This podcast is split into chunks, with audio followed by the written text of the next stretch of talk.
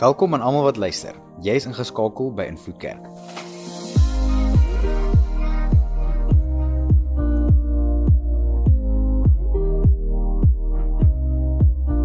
Vir die volgende paar minute gaan jy luister na een van ons boodskappe.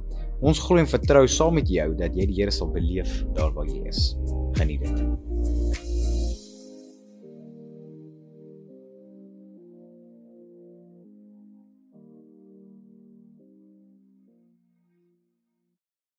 Die afgelope maand en 'n half is daar iets baie sterk wat die Here op my hart druk en dit is wanneer hy bid vir die familie, bid vir die familie, bid vir die familie. En ek weet elke familie het hulle dinge en so so mense moet eintlik altyd bid vir jou familie, dis so.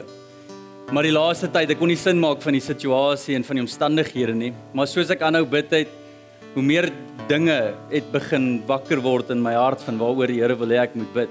En een van hulle was nie net vir ons familie persoonlike familie nie, maar vir ons geestelike familie, vir vir ons kerk, vir ons huis hierso. En uh die storie wat ek vir julle wil tel is dis eintlik wat die afgelope week gebeur het is dat ons seentjie is regtig goed met aflaai by die skool nie. Ek weet nie of julle van julle ouers ook sukkel daarmee nie, maar as ons hom aflaai, die man gaan te kere want ek voel soos 'n goeie ouer dan, as 'n kompliment aan my, hy mis my, hy wil graag by my wees. Voel nie lekker nie, maar ek kan nog steeds goed voel daaroor tot 'n sin. Maar die afgelope week was of die afgelope week en 'n half is bietjie anders.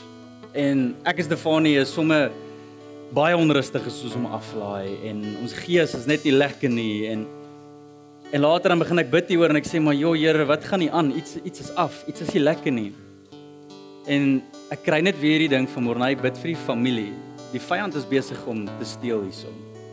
Daar's 'n daar's 'n deel van Levi is nie okay om afgelaai te word nie en en die vyand wat betrokke raak daaraan begin steel en verwoes. Daar daar's 'n verskil. En ek praat met Stefanie die aand en ons sit sommer net daar in die spaarkamer en op die bed en vat hande en bid het ons is doodmoeg. Die kinders laat gaan slaap en ons sit op die bed so half probeer wakker bly deur die gebed nog. En soos ons bid, eenvoudige gebed. Here, dankie vir ons kinders, maar Here, ons sien moeilikheid. Here, ek bid dat U asseblief vir Levi sal beskerm. Here, ons begin goed in sy lewe sien wat wat nie reg is nie, wat meer na die beeld van die vyand lyk as die beeld van U. Hierdie hierdie wat nou gebeur, praat nie van U vrede en U seën in U hand nie, Here, en daarom kom ons teen die vyand. En ons bid teen sy werk. Ons pleit die bloed van Jesus oor ons kind.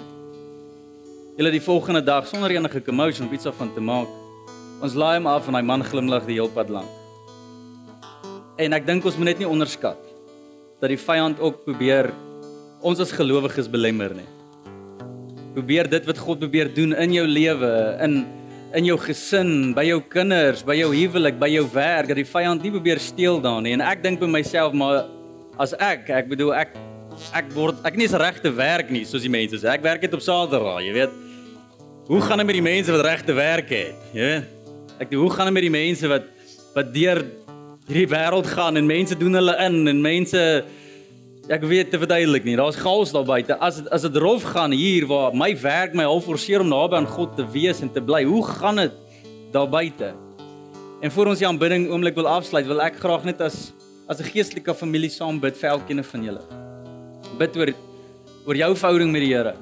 Dalk kom jy agter die laaste tyd jy's bietjie meer onstuimig, dalk bietjie meer frustreerd, dalk bietjie meer kwaad, dalk bietjie meer ontstel, dalk bietjie meer gestres, dalk bietjie meer kort af. Dalk voel jy net Nee. Dalk is daar meer versoekings wat al hoe meer al die dag op op jou pad gestuur word. Dis tekens van die vyand. En vandag wil ek net vra Dawie is dat jy jou oë sal sluit en as jou geliefde naby jou staan, hou vas. En kom ek bid sommer net 'n seëngebed en 'n beskermende gebed so oor elkeen van ons. Ons Vader, dankie dat ons 'n vers kan ken in die Bybel wat sê maak jouself nederig aan die Here, humble yourself to God, resist the devil and he will flee. En Here, dankie dat die krag van 'n gelowige nie gevind word in hoe goed ons beklei teen die vyand nie, maar hoe afhanklik ons is van U. En daarom kom ons as geïnvloed kerk vanoggend, almal wat hier staan vandag. Dis nie per toeval nie, hulle is hier vir hierdie gebed en en so ook vir almal wat dalk aanlyn luister. Here, ek bid oor elke liewe een van ons. Here dat ons hier en nou net weer U sal sê U is God. En Here, dankie daarvoor dat U kragtiger is as enigiemand daar buite. U is die naam bo alle name soos die skrif dit sê. U is U is waaroor alles gaan. U besit al die mag en ons kom maak onsself nederig aan U. Dankie Here dat ons veilig is onder U hand. Maar Here so ook, is daar 'n brullende leeu daar buite wat probeer steel en verwoes. Wat probeer ons aftrek, die aanklaer van die gelowiges is wat die Bybel hom noem. Dalk voel ons aangekla deesdae. Ons voel skuldig voor U. Ons staan vuil voor U. Hemelse Vader, ek bid hier en nou teen die vyand. Ons identifiseer jou, ons sien jou en ons stuur jou daar waar Jesus jou stuur, maar hier by ons is jy nie welkom nie. Hierdie geestelike tuiste, hierdie kinders van die Here behoort aan U en is geroep vir sy werke. Ons huise, Here, sal geken word oor hoe ons U dien, Here. Ek bid Here daar waar daar hou vas is, dat dit gebreek sal word. Daar waar daar harde harte is, dat dit gebreek sal word. Here kom beskerm ons teen die vyand. Dankie Here dat ons hier nou vir mekaar kan bid, mekaar kan opdra, mekaar se rug ook so kan hê. Here, so ons eer U daarvoor. Ons bid dit alles in Jesus se naam. Ons almal sê saam. Amen.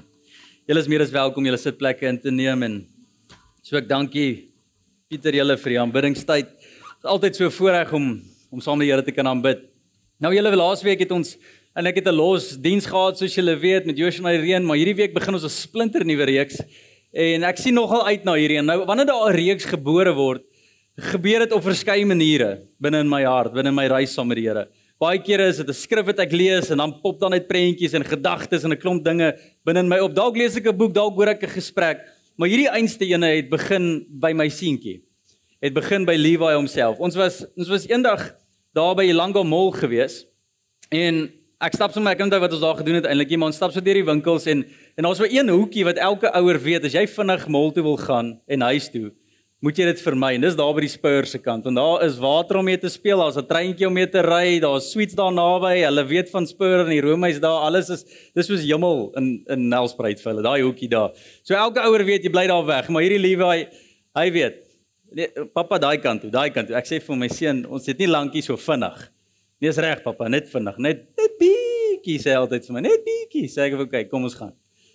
Nou is ons daar by die water hier en hierdie Levi love daai plek. Ek bedoel, ons vat letterlik altyd 'n paar handdoek in die kar as ons hier lank daar toe gaan want daai man stap sop na daar weg en en daar gaan hy en hy speel en hy speel en hy speel sop na kop tot tone, water drup oral, die mense kyk ons uit of ons mal is.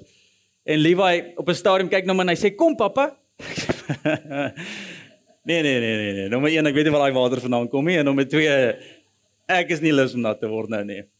Hy sê hoekom nie? Ek sê nee nee, Jesus Boeta, ek is regtig lus. Hy sê pappa, eendag as jy groot is soos ek, dan gaan jy ook saam my speel hierso, nê? Ek sê vir ja my seun, eendag eendag as pappa groot is, dan sal ek daarmee speel. En daai sinnetjie kan ek nie vir jou sê hoe baie die Here my al kom help het en en kom help het en kom riglyne gee oor hoe ek dink en en hoe ons geestelike volwassenheid in die Here se oë benader. Want baie keer dink ons ek staan nou daar en ek is nou die pa en ek gaan nou nat word. Ek is die volwasse en ek is die Maar in die Here se oë dink ek hy maar eintlik was Levi meer volwasse in daai oomblik want hy het minder omgegee wat mense van hom dink. Hy het minder omgegee van die gejaag van lewe. Hy het minder omgegee oor die dinge wat gedoen moet word en nie gedoen moet word nie. Hy was net in 'n oomblik en die oomblik so geniet vir wat dit was. En ek dink die Here staan en hy sê Levi was 100% reg, maar eendag as jy groot is.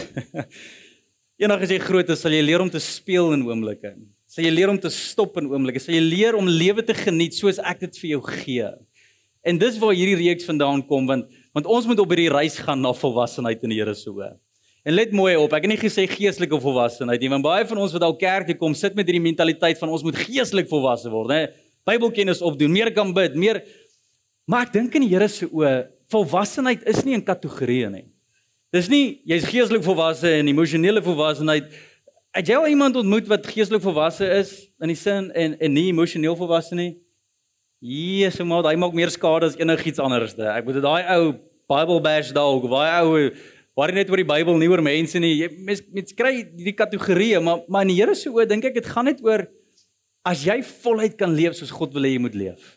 Volwassenheid in die algemeen. Dit gaan nie oor ouderdom nie, dit gaan nie oor lewenservaring nie, dit gaan nie oor wat om te doen en jy het al deur lewe gestap en jy weet jy nou house en nou nou not knows not en okay ja nee hou daar, maar soos julle kan sien my Brits is nog nie so goed nie, maar in 'n geval dit gaan nie daaroor nie. Dit gaan oor dat ek en jy besef wie en wat die Here vir ons is hier en nou. So ons gaan op 'n reis gaan die volgende paar weke. Hoe ek en jy weet daai volwasse plek in die Here se oë kan bereik en daar kan bly. So so vandag se onderwerp is letterlik eendag as ek groot is, wil ek lewe geniet. Nou, vandag gaan ons bietjie induik by Paulus se lewe. Paulus was hierdie geloofsheld wat ek dink almal van gehoor het en 2/3 van die Nuwe Testament geskryf, ongelooflike getuienis van hoe hy mense doodgemaak het, spesifiek Christene. En die Here het sy lewe so omgekeer dat hy nou meer Christene maak. En, en hy was 'n geleerde ou, 'n gesiene ou, iemand met gesag en alles prys gegee om net die Here te volg. Hy kerke gaan plant en as nie vir Paulus was nie, het ons hierdie Nuwe Testament geken en gesien wat die Here gedoen het soos ons dit geken het. So hierdie ou is net sommer enigiemand nie. Hierdie is iemand wat ek dink ons sal beskryf as 'n volwasse Christen. Nou kom ons gaan lees sommer gedeelte saam wat as die ondertoon en die fundamentvers om vir vandag sal bied. 1 Tessalonisense 5 vers 16 skryf Paulus hierdie brief aan hierdie kerk en hoor hierdie woorde. Wees altyd vol blydskap. Moenie ophou bid nie. Wees in alle omstandighede dankbaar, want dit is wat God van julle verwag omdat julle met Christus Jesus verenig is. Wees altyd vol blydskap. Moenie ophou bid nie wees in alle omstandighede dankbaar. Ek daai is seker vir my volwassenheid prentjie in homself, né? Nee, as ons daar kan kom. Daai is daai is die drie opdragte wat ek dink ons lewenslank gaan besig hou, né? Dis net wees altyd bly. Julle lyk nie eens nou bly nie. Julle sit in die kerk. Ek noem my magtig. Ek bedoel, ons sukkel klaar net hier. En, en dan nog, ek bedoel bid in alle omstandighede. Hou moenie ophou bid nie. O, oh, hier, maar ek het net twee keer vandag gebid en dis toe 'n taxi voor my ring gesê, "Here, help my om nie jou dood te maak." Ek weet dis dis waar ek gebid het hierdie week. En, en dan wees dankbaar in alle omstandighede. Hierdie is groot onderwerpe waaroor hy praat. En as jy mense hierdie lees, dink jy dadelik aan Paulus, die volwasse Christen, nee, die ou wat volwassenheid in sy reis met die Here bereik het. Maar hoor mooi. Paulus was nie altyd daar nie. Paulus het nog 'n geskiedenis van van immaturity, van van klein wees in omstandighede. Jy sien Paulus was hierdie ambisieuse ou, ou met dryf, 'n ou wat goed wou doen, 'n ou wat dinge wou gesien het en dinge wou gebou het vir die Here wat in homself goeie eienskappe is, maar saam met dit 'n klomp goed gedoen wat jog, Paulus regtig, was dit nodig? Ek bedoel Paulus het sendingreise gegaan, die wêreld gegaan, kerke gaan plant, goed gedoen wat niemand geken het van die tyd nie. Uh, hy was iemand wat die reëls gebreek het, buite die boks gefunksioneer het. Ek ek love daai tipe mense en veral Paulus se lewe.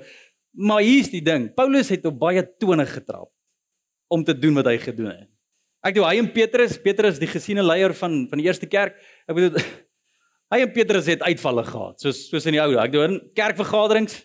Daai kerkvergaderings wat jy kan onthou as ouderling waar jy gesit het in chaos en ek dink jy het nog niks gesien nie. Jy gaan lees hoe pa, pa, Paulus en Petrus beklei het. Ek het daai manne hulle het mekaar verneder, embarrass in die publiek. So so erg was dit. Op 'n keer kom Paulus en hy sê vir hom Petrus, luister, jy praat so en doen nou, wees jouself nou heilig. Ek het gesien hoe jy gepraat het met ander mense. Nou kom jy jouself skyndig hier, man. Jy sondig in die Here so. Voor mense, voor voor al die kerkmense. Hierdie twee is mekaar se hare. En daar's iets van van klein wees in die Here se oë met Paulus nog. Ek het ons sien waar hy op hierdie sendingreise gegaan het. Hoe hy met Barnabas beklei het, uitvalle met hom gehad het. Daar was ouens wat saam met hom op sendingreise gegaan het en dan eventueel kon hulle net mekaar in die oë kyk, jy dat daai ouens het ophou saam met Paulus op 'n sendingreis gegaan. Sê net jy sou wil wees dan jy op jou eie gaan. Ek doen Markus was een goeie voorbeeld daarvan. Markus was 'n jong ou wat saam met met saam met Paulus gegaan het en hulle het hierdie uitval gehad want Markus het nie genoeg ambisie nie, nie genoeg dryf nie. Hy's te jonk, hy wil nie goeders bereik nie. Hy hy's hy's nie volwasse genoeg nie en Paulus is eintlik bietjie hard op die man en Markus is net weer terug huis toe. Hy wil by ma en pa wees want hierdie ding is te te rof en te groot vir hom. Maar later in Paulus se lewe, dan lees ons weer 2 Timoteus 4 vers 11. Hoor wat oor wat skryf hy? Hierdie's baie teen die einde van sy lewe. Hy sê net Lukas is by my. Gaan haal vir Markus en bring hom saam met jou wanneer jy kom, want hy kan my behulpsaam wees. Die die jong ouetjie wat na mamma en pappa toe gehardloop het, ewe skielik kan hy iets vir my beteken. Daar's iets van maturity, daar's iets van van leerbaarheid in sy gees. Ek het Tychicus van my feeste toe gestuur. Wanneer jy kom, onthou om my boeklet en uh, wat ek by Carpus en Troas agtergelaat het saam te bring. Bring ook my boeke en veral my perkamente. Jy sien 'n nederige Paulus nou. Jy sien 'n Paulus wat nie net deur elke muur wat hy in vashardloop deur wil hardloop nie, maar eerder saam met mense werk, 'n volwasse Paulus. Paulus het groot geword. En hier's my vraag aan elkeen van jou, of eerder moet ek dit vra vir die persoon wat jou regtig baie goed ken. Hoe groot word jy deesdae? Hoe hoe geestelik volwasse funksioneer ek en jy deesdae? En, en dis nie vir jou om te antwoord nie, want in die speel kan ons altyd onsself regverdig en komplimente gee. Die persoon wat jou ken, sien hulle hoe volwasse jy raak in God. En en hier's waarby ons moet uitkom. Want want Paulus skryf vir hierdie dinge. Wees bly, wees dankbaar, groot onderwerpe, maar hoe kom ons daar? Nou ek onthou eendag toe ek in Helsbred nog, toe ons net die voor ons kerk begin het, besoek ek 'n klomp kerke en ek sit in 'n diens waar die ou praat oor oor dankbaarheid. En dan ewe skielik besê hy hierdie hierdie hierdie onderwerp van of hierdie gedagte van as jy môreoggend wakker word en al waarmee jy waarvoor jy dankie gesê het voor jy gaan slaap het, dis al waarmee jy gaan waarmee jy wakker word. Dis al wat jy nog gaan besit. So as jy nie dankie vir jou TV gesê het nie, dan word jy wakker en as jou TV weg. Jy weet daai tipe hy hy stel hierdie gedagte op en hy sê met hoeveel goed sal jy nog leef? Met met hoeveel dinge sal nog wees in jou lewe as dit kom by dankbaarheid? En soos hy het sê, dog ek seker seker okay ding om te sê, maar dis tipies kerk, né? Ons praat oor onderwerpe van die Here en al wat ons wil doen is skuldgevoel huis toe bring. Jy sê nie dankie genoeg nie. Jy weet dat dankie sê vir Here. Anders gaan jou TV en jou kar verdwyn en al die Ons kan net nie op 'n plek kom waar ons lewe geniet nie. Waar ons net net kan leef met dankbaarheid sonder skuldgevoel. So kom nader tot die Here sonder skuldgevoel. Kerk toe kom sonder skuldgevoel. En hier is wat ons moet regkry. Want Paulus kom op 'n plek, ja, hy sien al sy foute, hy sien al sy tekortkominge en al sy gaals. Maar hy bly dankbaar Hy bly bid en hy bly afhanklik tot die Here. Hy, hy bly vol met blydskap tot die volwassenheid beteken nie absolute heiligheid nie.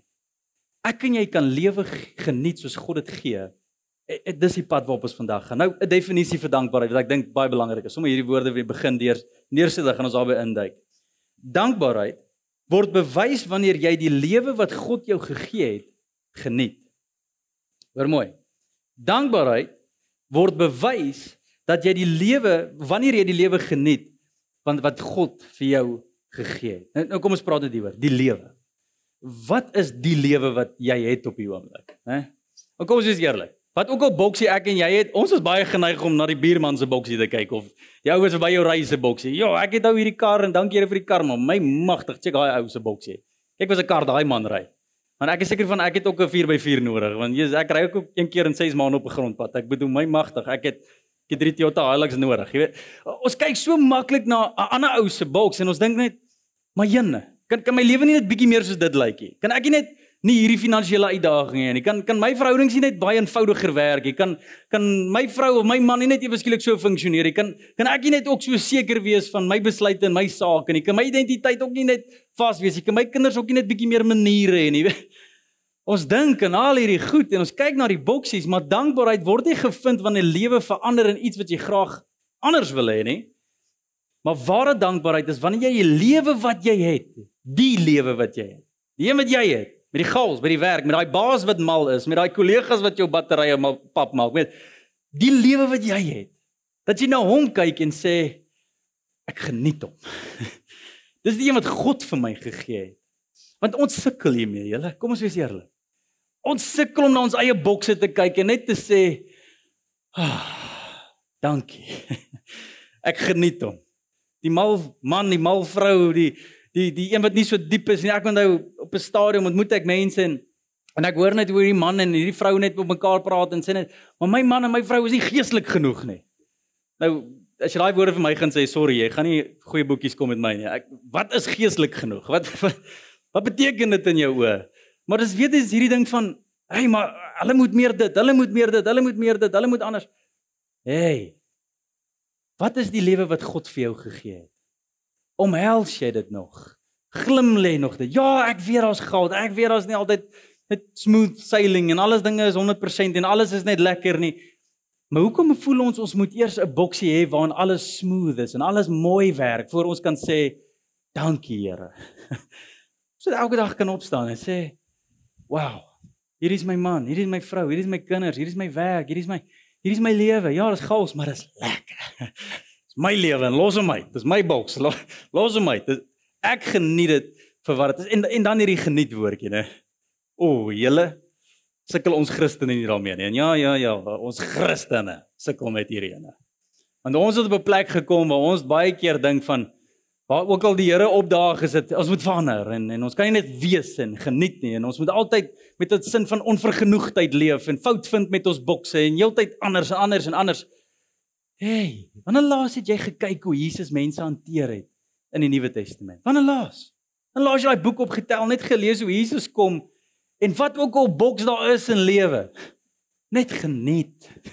Hy daag op by die sondaars, by die mense wat die vuil eile van die samelewing is, die mense wat die wat men almal gekyk het en gesê die varke, die honde, wegbly van daai mense af. God kyk na hulle en sê, daai mense val ver van hier af. En Jesus daag by daai op wat jy oor kla by die werk, né? Nee, ons goed met moun, né? Ek het dalk julle nie ek. Okay, great. Praat maar vandag met myself. Nou, ons is goed met moun. En ons sê maar Here, jy daai hierdie ou en daai dinge. Jesus daag op by al die mense waaroor ons moun. En sê hy kan ek bietjie kom kom eet. Kan ons bietjie saam kuier? Nee maar Here, hy hy drink te veel hierdie ou. Hy sy asem stink nog na brandewyn. Hy kan nie kerk toe gaan nie. Hey man. Kom kom ons wees net saam. Dit ook al die bokses. Kom ons geniet net die lewe soos God hom gee. En dan land ek en jy as Christene op en ons dink, "Ag oh, Here, as hierdie ding net kan verander, dan sal ek weer kan glimlag." en sy altyd so glimlag, né? Ek dink vir myself, tipies Lua, ons klein babietjie. Sy het letterlik laasweek begin kruip. En sy hou niks van kruip nie. Sy wil net loop nou. Sy sê van sy wil net opstaan en gaan, voete gebruik en en hol. Dis al wat sy wil, dis haar begeerte. En ek dink is tipies die mens. O, sodra ons lewe gekry het om net te begin kruip. Ja, ons het momentum. Ja, ons is nie so vinnig as wat ons wil hê nie, maar ons het darem momentum. Weet, ons het ons is darem nie meer bankrot nie. Ons het darem 'n inkomste of iets, maar maar ons het nie soveel as wat ons graag wil hê nie. Ons kan nie daai ding bekostig wat ons wil hê nie. Dan al wat ons wil doen is hardloop. Weet, ons kom op verhoudings daar. Ag, oh, ja, my vrou het verander, my man het bietjie verander. Jy's hulle het opgestaan en hulle kla dalk nie wat ook al prys Here daarvoor, maar een kan hulle kos net nie beter proe nie. Jy weet, kan ons vind altyd maniere Wanneer ons in 'n kruipseisoen is om net te begeer om te loop. Hoor jy wat ek sê? As enige ou wat gesê het wat by my gekuier het, ek vra eers, het jy lekker geëet? Was dit lekker? Hy sê ja, dis min, maar dis in. Jy moet sien hoe dik is hy man nou. Hy vreet net, maar maar, maar dis ons ingesteldheid, né? Here, dis min, maar is in. Here, my werk, dankie, dis min, maar is in. Jy weet, dit sal lekker wees om om meer te kan kry, meer verantwoordelikheid, om gesien te word by my werk, om belangrik te ag te voel by my werk. Ja. Yeah. Jesus staan net daar en sê, "Hey, kan jy nie net geniet nie? Kom kom ek draai hom om. Kom ek draai hom om. Dalk julle wat tieners het in die huis, né? Dink gou as jou tiener weer daar rondloop met hulle voete wat so sleep en en dis hierdie hitte nie, dis net hulle is verveeld en bange hang en glimlag hang en sê, "Hey, hoekom lyk jy swart? Wat gaan aan?" Hy sê, "Ja, daar's niks om te geniet nie, man." Hoe hoe laat dit jou voel as ouer? Kom wees eerlik. Hoe laat daai sinnetjie, daar's niks om te geniet, jou laat voel as ouer? Dis so hy.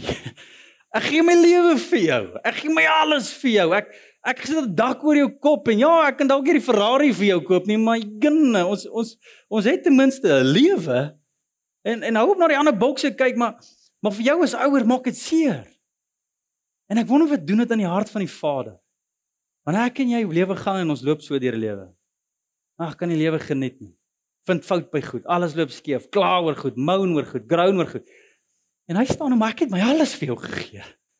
Ek het my kind vir jou gegee. Ek het lewe aan 'n kruis vir jou gegee. Ek het seker maak jy kan lewe in oorvloed in jou wese beleef sonder dat lewe 100% aan die buitekant aan die gang moet, maar nog steeds moan en groan jy en soek jy anders en is jy onvergenoeg. Hoor die hart van die Vader. Jy kan dankbaar wees wanneer jy net die lewe wat God vir jou gegee het begin geniet. Hou vergelyk. Ek hoor van hierdie katolieke priester wat wat so 'n gebed of of uit 'n berig skryf of 'n nie 'n berig nie. Ag man, nou vergeet ek die woord, maar net 'n uitbreisel 'n kontemplasie. Ek weet nie wat die regte woord nie, maar hy hy deel sy gedagtes rondom die Onse Vader en hy skryf op hierdie eerste deel of enig op die op 'n deel van die Onse Vader waar daar staan: Here gee ons daaglikse brood. Maar dan sit hy 'n sinnetjie na daai. Hy sê: Here gee ons daaglikse brood en help ons om dit te geniet met Help ons om dit te geniet met doetjie doetjie doetjie. Jon, hy laat my dink. Waarmee geniet ons ons kos deesdae? Want want want kom ons wees eerlik, baie van ons geniet dit dalk met skuldgevoel, né? Ek weet nie of jy al daai mense daai mense ontmoet het nie. Here, dankie vir die kos, maar maar ons moet alles eet, né? Want want daar's mense wat niks het nie. uh, net net so op Kersdag het ons nou 'n lekker feesmaal, né? Ons al uit en ons kos wat jy kan dink en ons eet en ons eet en ons eet en een van die familielede haak af en sê Ja, maar ons is bevoorreg bevoorreg om hierdie kosse te hê, né? Ek kyk so en ek sê maar hoekom hoekom hoekom sê jy dit so? Nee, maar as mense wat niks het nie. Ek kyk maar Ek weet nie of julle ouers dit gedoen het as kind nie, hè. Jy moet al die kos op jou bord eet, want anders is daar moeilikheid, hè. Jy, jy al jou groente eet want daar's kinders wat niks het nie. Kinders in India gewoon. Ek weet nie hoekom in India nie, maar kinders in India wat niks het nie. Maar stuur die broccoli vir hulle en ek beloof maar hulle gaan dit ook eers eet nie. jy weet, dit is net maar so. Maar maar ons het hierdie mentaliteit baie keer om deur lewe te gaan met hierdie skuldgevoel van ag Here, dankie wat ek het, maar jy weet ons mense wat niks het nie en ek moet gee en ek moet jy, ons het geniet. Geniet wat God vir jou gee. Soms het jy in oorvloed, soms het jy in tekort, soms het jy genoeg, soms het jy nie genoeg nie. Geniet net lewe. Maar baie keer is dit nie met skuldgevoel nie. Baie keer is dit met vrees, né? Baie keer sit mense en hulle eet 'n bord kos en Here, dankie vir die kos. Onse Vader, dankie vir die daglikse brood. Maar Here, ons weet nie waarvoor môre se brood vandaan gaan kom nie. Here, ek het nie idee hoe jy gaan voorsien die volgende keer om nie. Here, is lekker om nou te eet, maar ek weet ook die kinders in die skool gaan hou en ek weet nie hoe gaan ons die medies betaal en ek weet nie hoe gaan ons deur al die goed kom nie. Ons gaan deur lewe met vrees. Baie keer gaan ons deur lewe met onvergenoegdheid, né? Here, dankie wat ons het, maar dis nie genoeg nie. Né? Ontevredenheid. Ek wonder wat is jou sinnetjie deesdae? Van Here, Gee ons daaglikse brood en help ons om dit te geniet met. Of stop jy om net by Here help ons om dit te geniet. Punt. Dis waar ons moet funksioneer. Here help ons om dit te geniet vir wat dit is. Here as ons vandag droë brood eet, prys die Here vir droë brood. Ek dink droë brood was nog nooit sleg nie. Kom ons wees eerlik. Gemifte brood dalk, maar maar nie nie droë brood nie. Here Here dankie vir hierdie. Dankie dat ons gister in oorvloed gehad het en vandag in tekort, maar maar wat is die ware geskenk as dit kom by lewe saam met jou kinders as jy daaraan dink? Dis net om by hulle te kan wees. Dis om jou kinders te kan hoor lag. Om om jou teenwoordigheid saam met hulle te kan geniet. Ek moet vir jou sê wanneer ek Levi gaan haal by die skool en ek stap aan en daai man blink. Papa en hy hardloop en hy kan nie genoeg spring. Hy spring altyd te kort en wil hy hier val. Hy sê hy gaan nie goed doen vers spring nie, nog nie, maar my hardloop en dan hom els en hy druk vas en jy kan voel maar wat hy die meeste wil hê is nie speelgoed nie. Hy wil net sy pa hê. En dis die geskenk wat God vir my en jou bied elke dag elke oomblik. Hy's by ons. En ons kan saam met hom wees. Maar Paulus se lewe was nie net sommer so eenvoudig nie. Daar was 'n klomp komplekse dinge. Daar was 'n klomp redes waaroor hy kon kla. Daar was 'n klomp dinge wat verkeerd gegaan het. En ek dink sommer nou vinnig in 'n skrif wat Jesus eendag gesê het, hoor gou wat wat wat hierdie Lukas 17 vers 7 tot 9 gesê het. En hierdie is iets besonders en ek dink dit is een van daai skrifte waaroor baie min mense preek want dit is so 'n harde onderwerp waaroor ons praat. In Lukas 17 vers 7 tot 9, maar hoor wat Jesus sê, as een van julle 'n slaaf het wat besig is om te ploeg of om om diere te versorg, sal jy aan hom wanneer hy van die land afkom sê, kom eet gou saam met my? Nooit nie. Hy sal aan hom sê, maak iets gaar vir aandete, bind jou klere vas en bedien my terwyl ek eet en drink. Eers daarna gaan jy self eet en drink. 'n Slaaf wat sy opdragte uitgevoer het, ontvang mos nie dank nie. Hoor jy daai sin? 'n Slaaf wat sy opdragte uitgevoer het, ontvang mos nie dank nie. Hy gaan nie werk by vandag se jong mense nie, né? Maar ek gaan nou praat oor. Net so is dit die geval met julle, met my en jou as God se kinders. As julle alles gedoen het wat aan julle opgedra is, sê dan net ons is niks werd slawe nie. Ons het bloot uitgevoer net wat ons moes doen. Jesus kom hier met een van die hardste onderwerpe teen die kultuur waarin ons vandag sou leef. Baie mense praat oor die Bybel is nie relevant nie. Hier is een van daai skrifte wat soos huis toe slaan. Want vandag as dit kom by ons werksplekke. Ons werk so hard en ons sloof onsself af en ons doen alles wat ons doen. Hoekom? Want ons wil hê ons baas moet ons sien sodat ons net erkenning kan kry en promosie kan kry en meer geld verdien, hè? Ons soek die dankie. Jesus sê maar wat van jy daag net op en doen jou werk want dis jou werk. En verwag niks daarvoor nie. Dis dis jou werk om te werk, nie om 'n applous te kry nie. Ek onthou jare terug het eendag my baas um, vir my gesê by by die plek waar ek bedien het. En hy sê Morney, my salaris aan jou is my dankie aan jou. Ek sê vir hom, ja, maar as dit hoe dit werk in die koninkryk en ek was so, ja man, dit is mos ou glad nie hoe die Here werk nie. Wat ek hierdie gelees het. En, en wat van ons doen hierdie ons benadering tot lewe? Dat niemand ons niks skuld nie. Ek hoor hierdie storie van 'n ou wat in die hospitaal lê en elke keer as die suster hom kom bedien het, elke keer as die suster weggestap en dan sê hy: "Suster, baie dankie dat jy my kom help het en my bedien het." En elke keer as hy teruggekom het, "Dankie suster dat jy my kom help het en my kom bedien het." Sy sê: "Luister, na die hoeveelste keer dat hy sê jy vra regtig vir my dankie te sê nie. Dis my werk. En hierdie ou sê van dit is geen mens se plig om na iemand anders te kyk nie. Wanneer iemand dit doen, is dit nie hulle werk nie. En daai woorde tref my so. Want baie keer dink ons ander mense moet iets vir ons doen. Ander mense skuld ons iets, né? En kom ons wees eerlik, as dit kom by die kerkwêreld, ek ek ken dit selfs in die kerkwêreld. En dalk dalk sê ek nou die verkeerde woorde, maar ek het al mense ontmoet wat by die kerk aankom en dan sê hulle, "Hey Morney, hoekom wou jy nie meer parkering by die voordeur nie?" Van bejaardes tot swanger vrouens tot dit mans, ek enigiemand. "Hey Morney, ek is mos nou deel van hierdie kerk. Hoekom wou jy nie parkering? Nou moet ek so ver loop." Ek kom my tong byt. Op watter stadium kom die mens en voel maar ander mense skuld my iets? Ander mense moet iets vir my gee. Eh, ek kan nou lank praat oor hierdie punt. Ek ek lees Genesis deesdae. Abraham se storie. Iemand daag op by Abraham en gee vir hom 'n stuk land wat hy oor gebid het en die Here vir vertrou het gratis. Hy gee dit verniet vir Abraham. Weet jy wat sê Abraham vir hom? Nee. Ek soek dit nie verniet nie. En hy sê nee nee nee asseblief man dit is my geskenk aan jou en Ons kan sien die Here se hand is op jou. Vat dit asseblief verniet. Hy sê nee, ek soek dit nie verniet nie. En hy betaal 'n uh, fortuinse prys vir die stuk grond wat hy eintlik verniet kon kry. Maar Abraham leef met hierdie mentaliteit. Alhoewel God by my is, alhoewel God my seën, alhoewel God daar niemand skuld my niks. Die die wêreld skuld my nie 'n sent nie. Dis my voorreg om te kan betaal. O, oh, ons hou nie van daai woorde nie. Dis my voorreg om te werk. Dis my voorreg om my kinders groot te maak. Dis my voorreg om getrou te wees en te doen wat ek doen. Niemand skuld my 'n dankie nie. Wat van ons ons in ons beddens inklim in die aande en ons sê net, "Ag, oh, my werk is gedoen." Wat van ons jy gehoorsaam die Here, net met Here. Ek het U gehoorsaam vandag. My werk is gedoen. Ek verwag jy dat U my nou moet seën en ek het nou nou gehoorsaam en nou moet U nou absoluut ekstra dubbel seën op my sit. Here, dankie dat ek net kon geniet, my werk kon doen. Maar julle dan kom die lewe.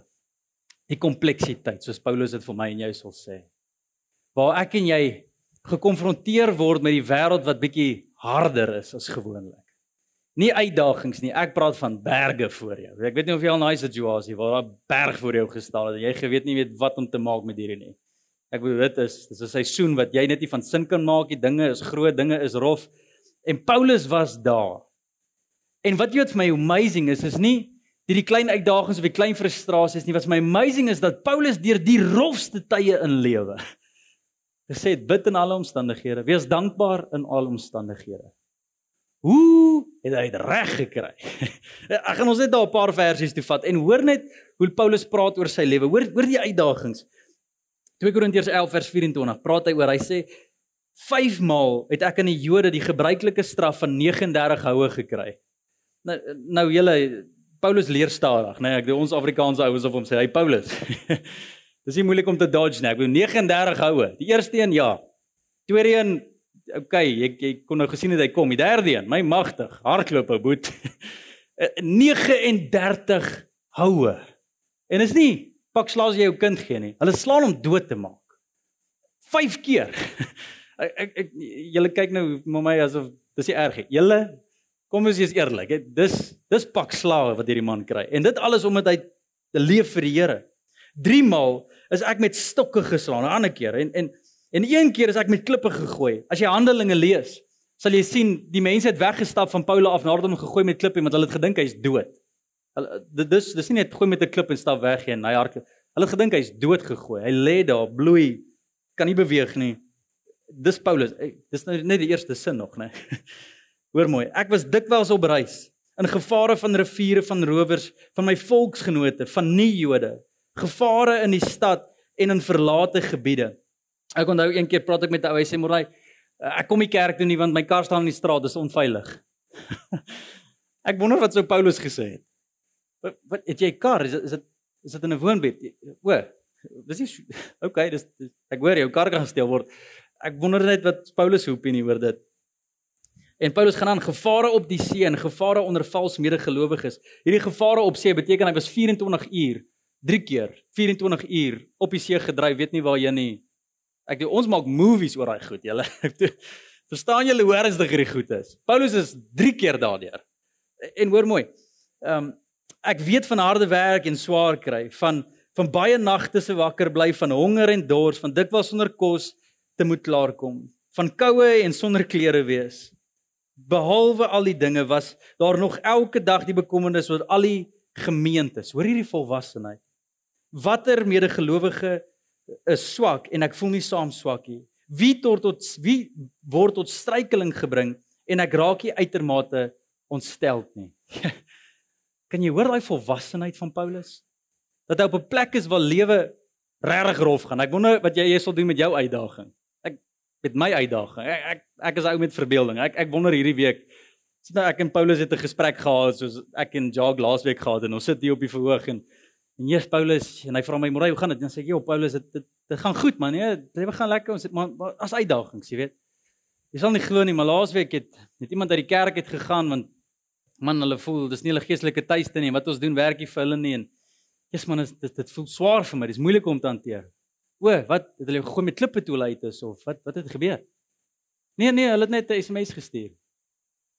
O en en is dit? O nee ek hoor jou dis rof ek ek hoor ek wonder net hoe sou my gesprek gelyk het met Paulus oor my uitdagings. Hy sou gesê het julle ek dink jou uitdaging is nie eintlik so groot uitdaging nie. Weet jy wat 'n voorreg het jy om lewe te kan geniet selfs met jou uitdaging wat jy beleef? Ons het nie eintlik 'n verskoning waar die ou wat vir ons skryf wees vol blydskap. Wees dankbaar in alle omstandighede. Daai omstandighede praat hy van. Dis waar ons moet wees. Kyk dan dan die groot vraag. Ek kan nou lank praat oor, maar wat die groot vraag? Kom ons sluit af. Maar hy, hoe kom ons daar? Wanneer die kompleksiteit van lewe ons tref dat ons in daai dankbare plek kan bly waar ons daai volwasse plek kan funksioneer. Hoe hoe kom ons daar? Dis nie net lees hoe versie en jy's daar nie. Dis nie net woon 'n diens by en jy's daar nie. Hoe bly ons in die kompleksiteit daar? Wanneer ons die vrae begin vra soos wat wat hoekom gebeur slegte dinge met met goeie mense? Ek weet nie, maar maar maar hoe werk dit om dankbaar te bly daar? Hoe wat gebeur wanneer ons sien maar kinders wat jonk is, onskuldig is, vroeg doodgaan? Wat van die kompleksiteit van lewe? Mense wat gesond is, en mense wat oefen na hulle liggame kyk, siek word en op 'n vroeë ouderdom oorlede is wanneer mense net nie waar en nie na hulle gesondheid nie, leef lang jare. Hoe werk daai goed? Hoe werk ons wanneer mense wat wat regtig hulle werke doen, regverdig en reg in die oë van die Here, hulle werke verloor. Hoe hoe, hoe werk hierdie kompleksiteit van lewe wanneer mense begin bid en die Here se wil soek en en dinge werk net nie so uit nie in die kompleksiteit. Hoor hoor julle waarvan ek praat? Daai waar Paulus keer na keer vasgevang word. Want Paulus offer sy hele lewe op. Julle hoor mooi. Hy offer sy hele lewe op vir die Here. Sy geld, sy tyd, sy finansies, sy huis, sy kontakte, sy gawes, sy alles gee hy vir die Here 100%, nie net 10% nie, 100%. En weet jy wat gee die Here vir hom in ruil daarvoor? Hy dagende lewe. 'n Lewe vol kompleksiteit. 'n Lewe in tronke. Ja. As on, onregverdigheid jou lewe trek. Hoe kom ons waar Paulus gekom het om te sê Here, dankie. Paulus het vir ons die antwoord gegee.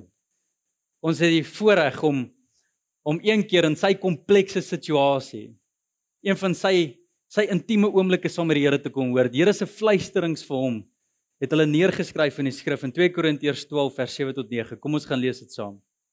Om seker te maak dat ek nie te veel vir myself sou begin dink oor al die openbarings wat ek ontvang het nie, het God 'n groot struikelblok oor my pad gestuur. Al my swaar kry en swakhede was soos 'n doring wat die hele tyd in my voet bly vassit het. Ja, Dit was soos 'n boodskapper wat die duiwel na my toe gestuur het om my pimpel en pers te kom slaan. Nou, ek sien weer 'n prentjie. Hierdie man verstaan pimpel en pers, né? Nee, ek hy weet wat dit beteken. Hy hy praat van intensiteit. Hierdie struikelblok moes keer dat ek verwaand raak oor al die wonderlike geestelike ervarings wat ek beleef het. Nie minder as 3 keer het ek na die Here gevra om hierdie struikelblok uit my lewe weg te, te vat nie. Maar hoor mooi. Laat al my swaar kry en lyding asseblief tog net ophou, het ek hom gesmeek. 3 keer kom Paulus en bid lang, ernstige smeekgebede voor die Here. Vat hierdie uitdaging weg. Toe sê die Here uiteindelik vir my: My goedheid is vir jou genoeg. Dis al wat jy nodig het. My goedheid is vir jou genoeg. Dis al wat jy nodig. Jy ken die ou vertaling wat sê my ge Jy kan sê as jy dis nie 'n trick question nie. My genade is vir jou genoeg. my vraag aan elkeen van ons is: Op watter punt in lewe stap ons uit die sambreel van God se genade uit? Want ons doen dit. Paulus wys ons hier in die plek waar lewe die uitdagendste is vir hom. Die ding wat hy probeer wegbid. Kom my agter, dis nie iets wat hy moet wegbid nie, want die duiwel het dit nie gestuur nie, die Here het. Die Here het hierdie ding toegelaat. En ek wonder hoeveel probleme probeer ons wegbid wat eintlik die Here op ons pad langs gestuur het. en Paulus kom op hierdie volwasse plek.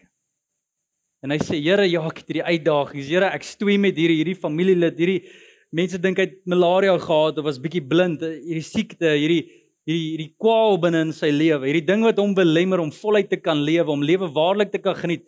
In ander woorde, die beste verskoning ooit. En Paulus kom op 'n plek waar die Here net vir hom sê, Paulus, Paulus, Paulus. As jy dink jy het omstandighede nodig om dankbaarheid te behou, maak jy 'n fout.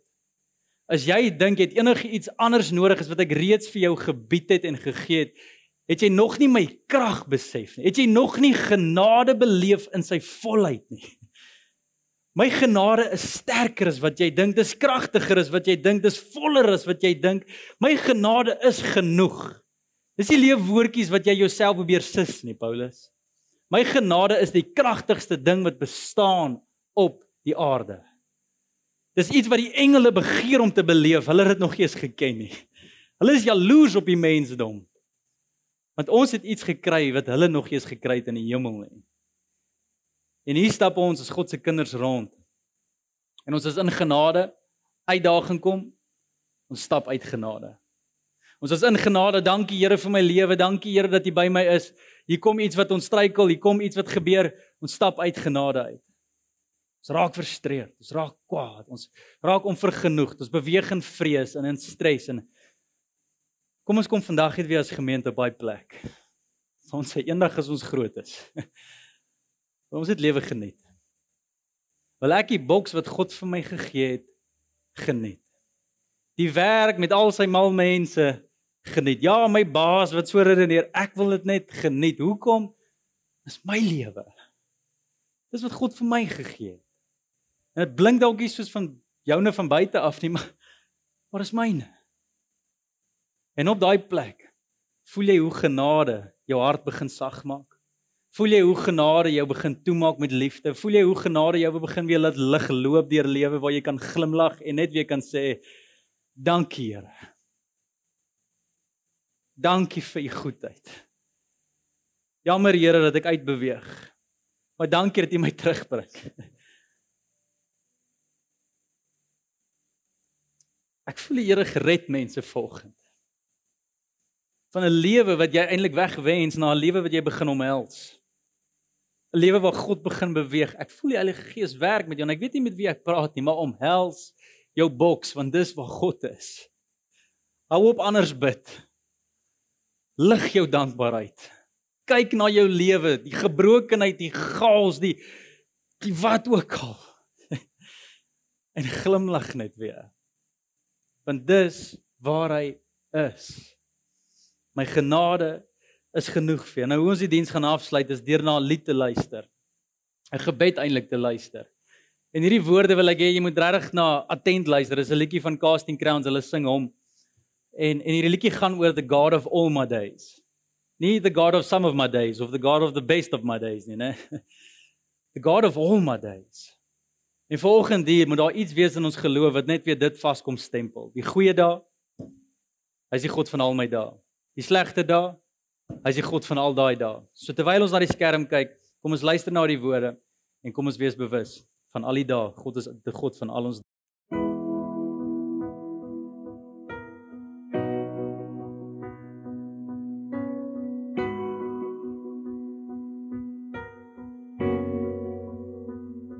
I came to you with my heart in pieces. And found the God with healing in his hands. I turned to you, put everything behind me, and found the God who makes all things new. I look to you, drowning in my questions, and found the God who holds all wisdom. And I trusted you and stepped out on the ocean. You caught my hand among the waves, cause you're the God of all my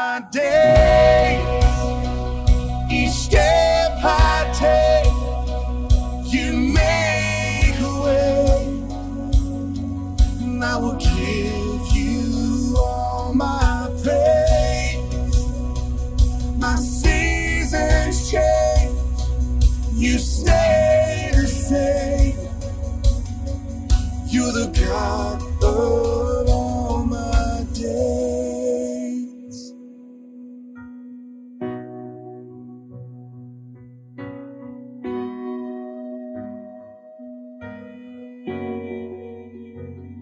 I ran from you and wandered in the shadows and found a God who relentlessly pursues. Hid from you, haunted by my failure, and found a God. Whose grace still covers me. I fell on you when I was at my weakest. And found the God, the lifter of my head. And I've worshipped you and felt you right beside me. You're the reason that I sing, cause you're the God of all my days. Each step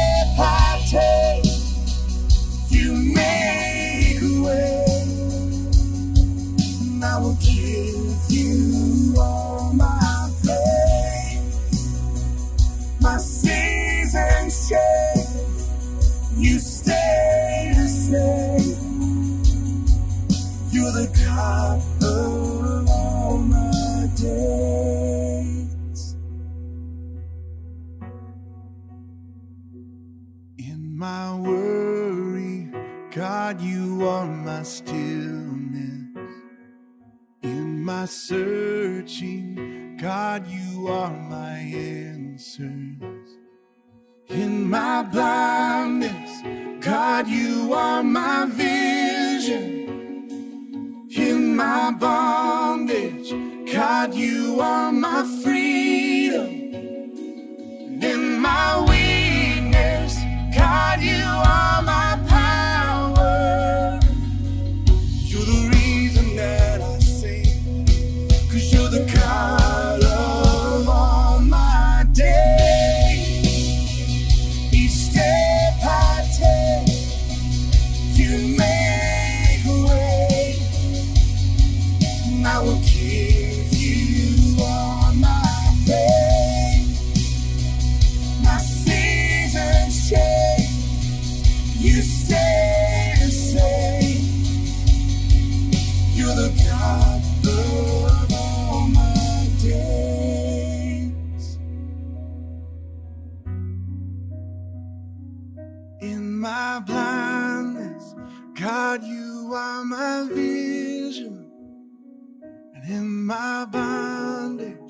God, you are my freedom. All my days.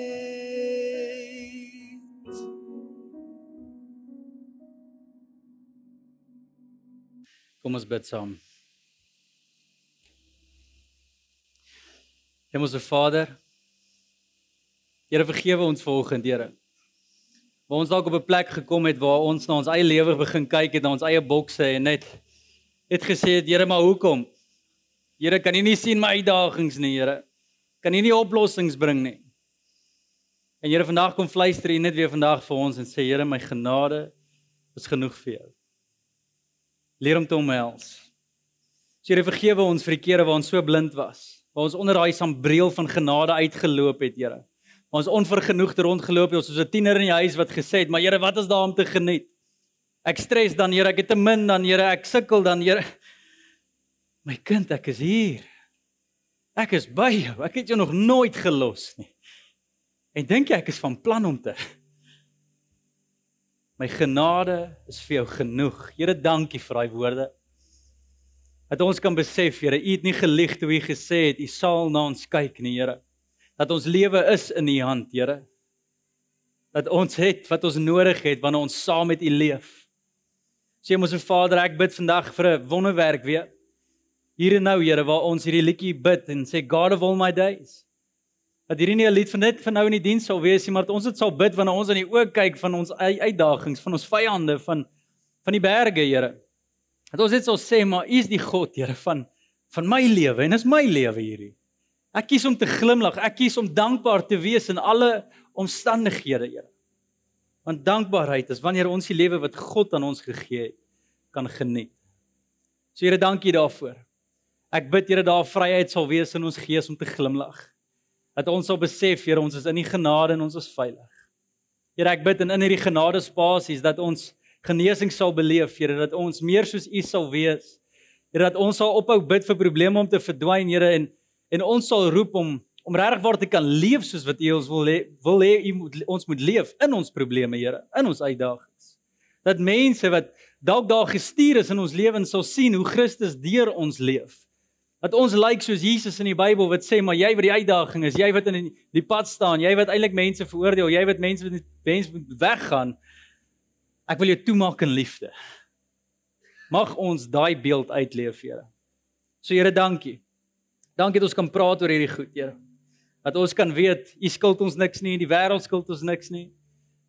Ons het en ons is wat ons moet hê en wie ons moet wees. So Here, ek bid help ons hierdie week. Hou ons naby. Hou ons onder daai bril dat ons voluit lewe kan geniet vir wat dit is, Here.